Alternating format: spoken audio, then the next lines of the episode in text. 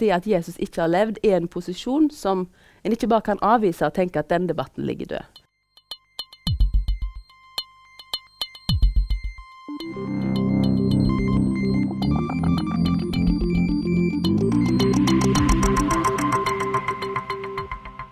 Hvilke kilder har vi som dokumenterer Jesu liv?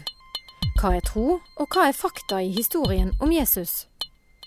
Universitetet i Agder inviterte i desember til en konferanse om Jesus som historisk person. Først skal du få høre professor Årstein Justnes fra UiA i samtale med studiesjef og historieforsker ved Menighetsfakultetet Hilde Brekke Møller. Møller mener at historieforskere, til tross for at temaet er kontroversielt, må stille spørsmålet har Jesus faktisk levd? Jeg er ikke så interessert i alle mulige svar hele tida. Jeg skjønner kanskje du ute etter mer svar, men jeg syns alle spørsmålene er veldig interessante. Og så har jeg vært litt irritert fordi at en del som svarer på det spørsmålet, veldig kjapt går inn og sier at det er en del tekster uh, som bekrefter at Jesus har levd. Men de tekstene som de da refererer til, kan være vi skal snakke litt mer om det. vet jeg ikke. Det er ofte ganske nye tekster. Så nye at en aldri ville brukt dem til å svare på andre typer spørsmål som handler om ting som var 400 år før, f.eks. Jeg litt irritert på den der retorikken. Jeg hadde lyst til å ha i gang en samtale egentlig om kildene til Jesu liv. Eh, en sak som jeg tenker er en, en, forskjell på forskningen i dag, og da jeg var en student på MF for 10-15 år siden, eller vi nærmer oss 20 nå, kanskje.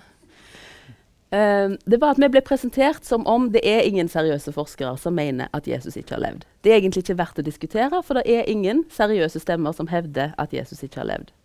Men jeg mener at nå er det noen stemmer som Hvor seriøse du skal si de er, det, det kan en jo diskutere, men, de, men, det er i hvert fall folk med ph.d., folk som skriver bøker, uh, som, som, uh, som, utgis og leses. Det er masse Hvis du går på YouTube, finner du jo alt mulig uh, med taler og videoer og sånn. Um, og dette er ikke, det at Jesus ikke har levd, er en posisjon som en ikke bare kan avvise og tenke at den debatten ligger død noen av poengene til de som mener at Jesus ikke har levd, høres veldig gode ut fordi de bygger på noe som, som stemmer. F.eks. Eh, at noen av fortellingene om Jesus ligner på fortellinger om andre mytiske eller historiske personer. og da kan du si, Så da er de sikkert oppdikta, siden de er så himla like. Og hvis det er oppdikta, hva vet vi? Kanskje andre ting er oppdikta? Kanskje hele personen er oppdikta? Hvilke kilder har vi for, for Jesu liv? Ja, gjør, rede, gjør, rede, for og drøft. Er ikke du professor? ja. Jeg sendte den mest naive professoren det hele jeg har. Så det, det, altså det, det, som jeg synes er, er et viktig poeng, som ofte ikke kommer fram, det er at Det nye testamentet er det beste kildene til Jesu liv. Ofte så vil en tenke at ja, men de trodde jo på Jesus, og selvfølgelig eh, vil jo de si at Jesus levde. og Det kan vi ikke stole på, men vi har noen ikke kristne eller ikke Jesus-troende tekster hadde jeg nesten sagt, til å dokumentere det for at vi skal tro på det. Jeg mener det er bare tull.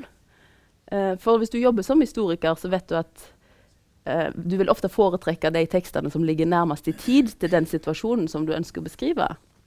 Og det er disse tekstene som gjør det. Og dessuten så vil alle, alle fortellinger eller alle historiebeskrivelser og sånn vil ha en type politisk eller religiøs eller ideologisk agenda. Så uansett hva tekst du velger å bruke for å finne svar på et historisk spørsmål, så må du ta høyde for at det er noen sånne andre ting som folk ønsker å oppnå med å skrive den teksten. Og dermed mener jeg at Det nye testamentet er definitivt de beste, beste kildene. Og Paulusbrevene er de eldste, antageligvis. Um, kildene til Jesu liv, og der er det ikke så mye, men det er litt. Og det er ingenting der som tyder på at uh, en ikke så for seg at Jesus var en historisk person. Og så har jeg et, et, spørsmål fra en av mine kolleger. La oss kalle han Hans. Ja. Ja. Um, hva kan vi egentlig vite om Jesus? Det kommer jo litt an på på hva måte en liker å vite ting. Altså hvor, hvor, hvor, sikker trenger du å være for å kjenne at du vet det? Uh, hva kan vi egentlig vite om, om deg? Uh, uh, hva kan dere vite om, om meg? Er det egentlig sånn? Er det språket jeg bruker for å snakke om en eller annen person, er det egentlig helt tilstrekkelig for å beskrive den personen? Um, for evangeliene eller Paulusbrevene eller, de gir oss jo en del sånne historier, og de gir oss et sånn riss om hva Jesus gjorde, som er mer eller mindre i, i tråd med hverandre. Altså, um, og, og, når en tenker på historisk Jesusforskning, så er hele poenget at en går inn som en historiker, prøver å beskrive Jesus som en historisk person. Ikke som en guddommelig figur, eller noe sånt, men som en historisk person på lik linje med alle andre mennesker, som en prøver å da si noe om. Og da kan en tenke ok, hva pleier å skje med vanlige mennesker? De pleier å bli født, og så pleier de dø, og så mellom der skjer det et eller annet. Så da har vi liksom rammene. Og så er alle kildene enige om eh, at Jesus dør eh, relativt ung på et kors. Kanskje kan en tenke at det er litt sånn sikkert. Eh, og så må han ha fått det må være en eller annen grunn til at han havna på det korset, for det er ikke sånn som skjer helt tilfeldig, i hvert fall hvor detaljert en da kan gå inn, så kan noen vil jo si ja, fordi at alle kildene er enige om at et eller annet, så kan vi tenke at det skjedde. Um, men det er jo ikke sikkert. Altså, det kommer jo an på hvordan disse kildene forholder seg til hverandre. Om en historie om en person blir mye fortalt. Ja. Det, det, har vært mulig å sende inn spørsmål før denne, denne, sesjonen. her. Jeg skal lese noen av de, så kan du svare på de letteste. Kan du velge litt der. Var Jesus en av mange Jesuser?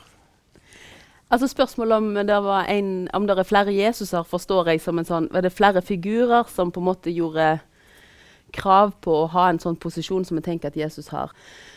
Uh, og det har vært noe snakk om uh, når det gjelder Jesus som en helbrederfigur, at det er andre helbredere, f.eks. Eller Jesus som Messias-figur, at det er andre en tenker var Messias, eller kombinasjonen av de to. Uh, og det er det ting uh, definitivt ting som tyder på at Jesus var absolutt ikke alene om å være en som en tenkte kunne uh, helbrede. Hvis du tenker på hvordan tekstene beskriver det at han helbreder, så er det ikke det at folk er helt i sjokk fordi at de aldri har hørt om at det går an å bli helbreda før. Men det er bare utrolig convenient at jeg er syk og noen kan helbrede meg. Sånn sett er det flere. Og Messias-figurer òg. Det er andre enn Jesus som har fått rykte på seg å være Messias. Uh, kan du si litt om hvordan er kildesituasjonen eh, for, for, Jesus, hvis du er interessert i Jesus som en historisk person? Hvordan er den på en måte sammenlignet med andre storheter som vi tenker at har levd? Ja. Kan velge, for så vidt. La oss tenke på Jesus som et eksempel. Han er en helt vanlig mann, lever på et litt sånn hjørne, eller hva du skal kalle det. Jorda har vel ikke så mye hjørner, men et eller annet litt sånn gudsforlatt sted. Bitte lite sted eh, Det er jo ingen andre menn akkurat derfra liksom, som, som, det har vært verdt å fortelle om. Så sånn sett er jo kildematerialet helt enormt. Hvorfor skal vi vite noe om han i det hele tatt? Um, en, har, en, har, fire evangelier som er i Nye testamentet, så har en andre fortellinger som kanskje er, eh, som kanskje er yngre. Uh, masse manuskripter som er i tid et stykke fra da forskerne tenker at de først ble skrevet ned fordi de har blitt skrevet igjen og igjen, men, men massevis av sånne manuskripter som er spredt, um, spredt bredt. Um, som er mye mer enn en ofte vil ha for en eller annen tilfeldig ung mann fra Palestina rundt år null. Interessen for, for, Jesus er jo ingen tvil om at det har vært veldig stor. Mm. Uh, og sånn sett kan en jo si at det er godt dokumentert. Uh, absolutt. Mm. Hjertelig takk for at dere kom. Og bare bli igjen og still flere spørsmål hvis dere vil. Ja. Tor Vegge, du er professor ved Institutt for religion, filosofi og historie ved Universitetet i Agder. Du forsker også på religiøse tekster og underviser bl.a. i kristendommens historie. Vi har akkurat hørt uh, Hilde Brekke Møller fra Menighetsfakultetet snakke om kildene om Jesus. Hva tenker du om spørsmålet har Jesus faktisk levd? Ja, jeg regner det som, som, sannsynlig at Jesus har levd. Sånn Historisk og faglig er det interessant å stille spørsmålet, for vi alltid spør om hvordan de kildene er, hva slags kilder vi har til det.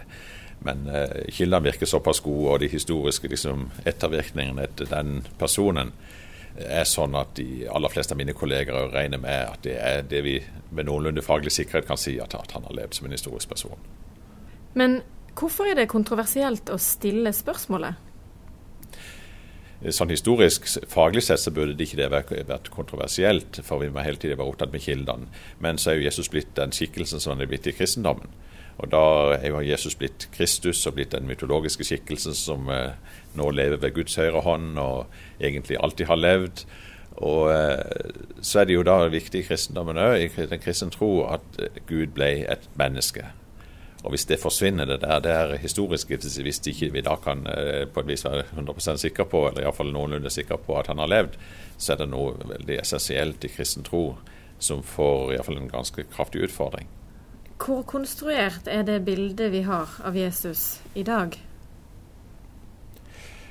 Ja, på en måte så er det jo konstruert for eh, alle bilder. Selv om vi nå sier at det er et historisk bilde av Jesus, så er det jo egentlig et moderne bilde. Det er sånn som vi i vårt språk våre forestillinger vil tegne det bildet. Men konstruert betyr ikke da at vi har funnet det opp. Eh, for uh, det er jo da en tradisjon tilbake som vi forsøker å, å forholde oss til. Og så spør vi jo helt inn i enden der uh, går det an å si noe biografisk historisk om Jesus. Hilde Brekke Møller sier noe om at det er ikke sannsynlig at det ville vært så mange kilder og så mange historier om denne mannen hvis ikke det var noe, noe med han. Er du av den oppfatning? Jeg er nok av den oppfatning. Det må helt sikkert ha vært noe med den personen.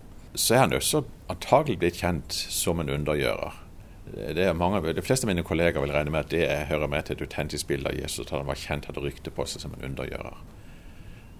For å bruke et annet uttrykk, Det er jo noe som i noen andre sammenhenger i dag ville kalle for en slags sjaman. altså Det er en menneske som på en helt spesiell måte har noen krefter eller sånn som kan, kan brukes i helbredelsessammenheng, både av psykiske og fysiske lidelser muligens.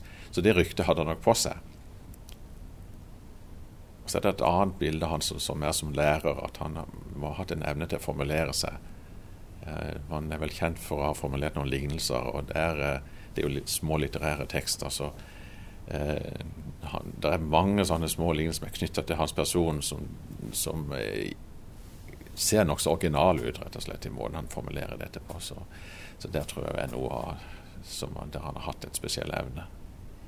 Men de som, eh, som, reduserer Jesus litt mer til å være en politisk skikkelse i en tid med mange grupperinger, mm. har disse ideene noe for seg? Det har absolutt noe for seg. Eh, du kan godt si redusere, men det er helt opplagt ei side ved den som vi kan si ved den historiske Jesus. Det kan vi egentlig slutte tilbake til måten han ble drept på, for han ble henrettet det av romerne. Så det må ha vært noe politisk med hans virke som blir oppfattet som sosialt truende, altså som truer den sosiale og den politiske stabiliteten. For henrettelsen er vi ikke i tvil om? Nei, det vil de aller fleste regne med. Hvis vi skal spørre hvor finner vi et historisk fundament, så vil de fleste begynne der. At han blir henrettet. Så altså vil en forsøke å resonnere litt ut ifra det. Akkurat når det gjelder Jesu fødsel og barndom, så er det da to evangelier som forteller om det, men de forteller det ganske forskjellig. Så hvis vi da er interessert i det historiske der, så må vi forsøke å holde de opp mot hverandre og spørre hva som kan være historisk, og så ser vi hvordan de, de beskriver det. Og det er noen forskjeller der. Hva er det som skiller? Eh, det som skiller de to er litterært sett er perspektivet. Den første av de, Matteus, som skriver om dette, er jo mer opptatt av Josef, hvordan han kan ha opplevd dette. Eh, det som fortelles, så er det gjennomgående trekk med at det er noen overnaturlige ting. Det er engler som snakker, det er engler som driver og forteller hva de skal gjøre, og forteller at de skal bli foreldre og sånn forskjellige ting. Det samme er det i Lukasevangeliet, men der snakker engelen til Maria, som er mora. ikke sant? Men der, der er jo det, det, inne. Og Lukas har det med Maria. Det er, han, det er hun som er hovedpersonen i begynnelsen der. Eh, men så fortelles det forskjellige ting. Og For Lukas så har vi dette kjente fra juleevangeliet at Kverinius var landshøvding i Syria. Det skjedde på den tida. Og en ting til, at dette skjedde mens Augustus, keiseren, ville gjøre en sånn uh, manntallsinnskriving. Og den manntallsinnskrivingen er vanskelig å plassere uh, historisk. Vi kjenner faktisk ikke til at Augustus gjorde noen sånn uh, manntallsinnskriving der hele verden skulle innskrives i manntall. Han registrerte de romerske borgerne, men uh, verken Jesus eller hans foreldre var romerske borgere. Så, så, så det virker mer som et litterært motiv. Det andre med Kvirinius Eh, at han var landshøvding i Syria, det var han. Men Matteus forteller jo da at Jesus ble født mens Herodes var konge der. Og disse to passer ikke sammen historisk. Altså Kverinius var ikke landshøvding i Syria, samtidig med Herodes var en slags, en slags romersk konge der i Palestina. Så det går ikke sammen. Men vet vi noe om hvilket evangelium som ligger nærest det historisk sanne, hvis en kan si det sånn? Det er egentlig ikke så godt å vite det, men jeg tror de fleste av mine kollegaer kanskje regner med at Herodes var kongen når Jesus ble født. Og da er det opplysningen der i uh, Matteusevangeliet som de kanskje fester mer lite. Og det er jo uh, Matteus også som har dette med at Herodes ble da så redd og liksom satte i gang en aksjon med å ta livet av en masse guttebarn der. I Lukas er det ingenting av det. I Lukas kan de reise fredelig til Jerusalem. og Jesus er åtte dager gammel og, og bærer fram offer i tempelet og sånn. Mens i Matteus må du da flykte til Egypt. Og, og Men akkurat det er jo en litt dramatisk en forskjell? Veldig dramatisk forskjell, egentlig. Men vi nærmer oss jo jul nå. Eh, hva vet vi om julefortellingen? Hvis du ser det litterært, som du ser det inn i mitt fag, så virker disse fortellingene som de er fortalt lenge, lang tid seinere. Altså når de, Jesus var død og var blitt, fått den posisjonen han hadde fått som Kristus og Messias, så var noen interessert i hvordan var det med hans fødsel. Det må jo ha vært noe spesielt med hans fødsel når han ble en sånn betydningsfull person. Men både Matteus og, og Lukas forteller jo at Maria og Josef er hans foreldre. At de hadde noe med Nasaret å gjøre, at han er vokst opp i Nasaret. Så um, dette kan vi gå ut ifra egentlig at Jesus var fra Nasaret. Foreldrene hans var fra Nasaret. Så er de jo for så vidt da enige om at det var noe overnaturlig med hans fødsel. Og det, det, er jo vanskelig da, sånn historisk å kunne si noe. Det, der tenker vi at det er legendære trekk, for sånn har det vært fortalt om andre betydningsfulle personer. At det måtte gjøre noe spesielt med de sin fødsel. Sånn, så det tenker vi er et legendært trekk. Noen gjør det iallfall. At det var en vanlig måte å skrive på på den tiden om Mennesker har betydning? Sånn kunne en skrive om mennesker av betydning, som hadde fått en, en posisjon enten som religiøse autoriteter, eller det skrev en til dels også om eh, sånn som han eh, Alexander den store, f.eks., som hadde fått den betydningen han fikk, så kunne noen skrive om at det måtte jo være noe spesielt da han ble født. Du sa noe om at eh, vår julefortelling om Jesus egentlig er en slags blanding av av i hvert fall to evangelier. Mm. Men har vi lagt noe annet til der som ikke egentlig hører til de historiske kildene? Vi har nok lagt til en del ting, og det er jo interessant i selv hva vi har lagt til. I sånne julekrybber eller jule, så er det jo sauer, og det er kanskje okser, og det er esler og sånn. Disse fins nok ikke i fortellingene der i Lukas og Matteus. Det er noen profettekster der som da gjerne tas inn, som har vært med å fylle ut det bildet. Så snakker vi også gjerne om at det var tre vise menn. Det står heller ikke i tekstene at det ikke var tre. Eh, de kalles noe sånn som magikere eller sånn. De er blitt konger. De har fått navn i tradisjonen. De har til og med fått hudfarge i tradisjonen. En var svart, ikke sant, og en var sånn. Så her har det lagt seg på ting i tradisjonen gjennom litteratur, eh, spill, bilder, musikk. Hvorfor skal man pirke i dette i det hele tatt? Må vi vite hva som er sant? Det er jo interessant sånn faglig, og det, det er interessant for måten vi leser tekstene på.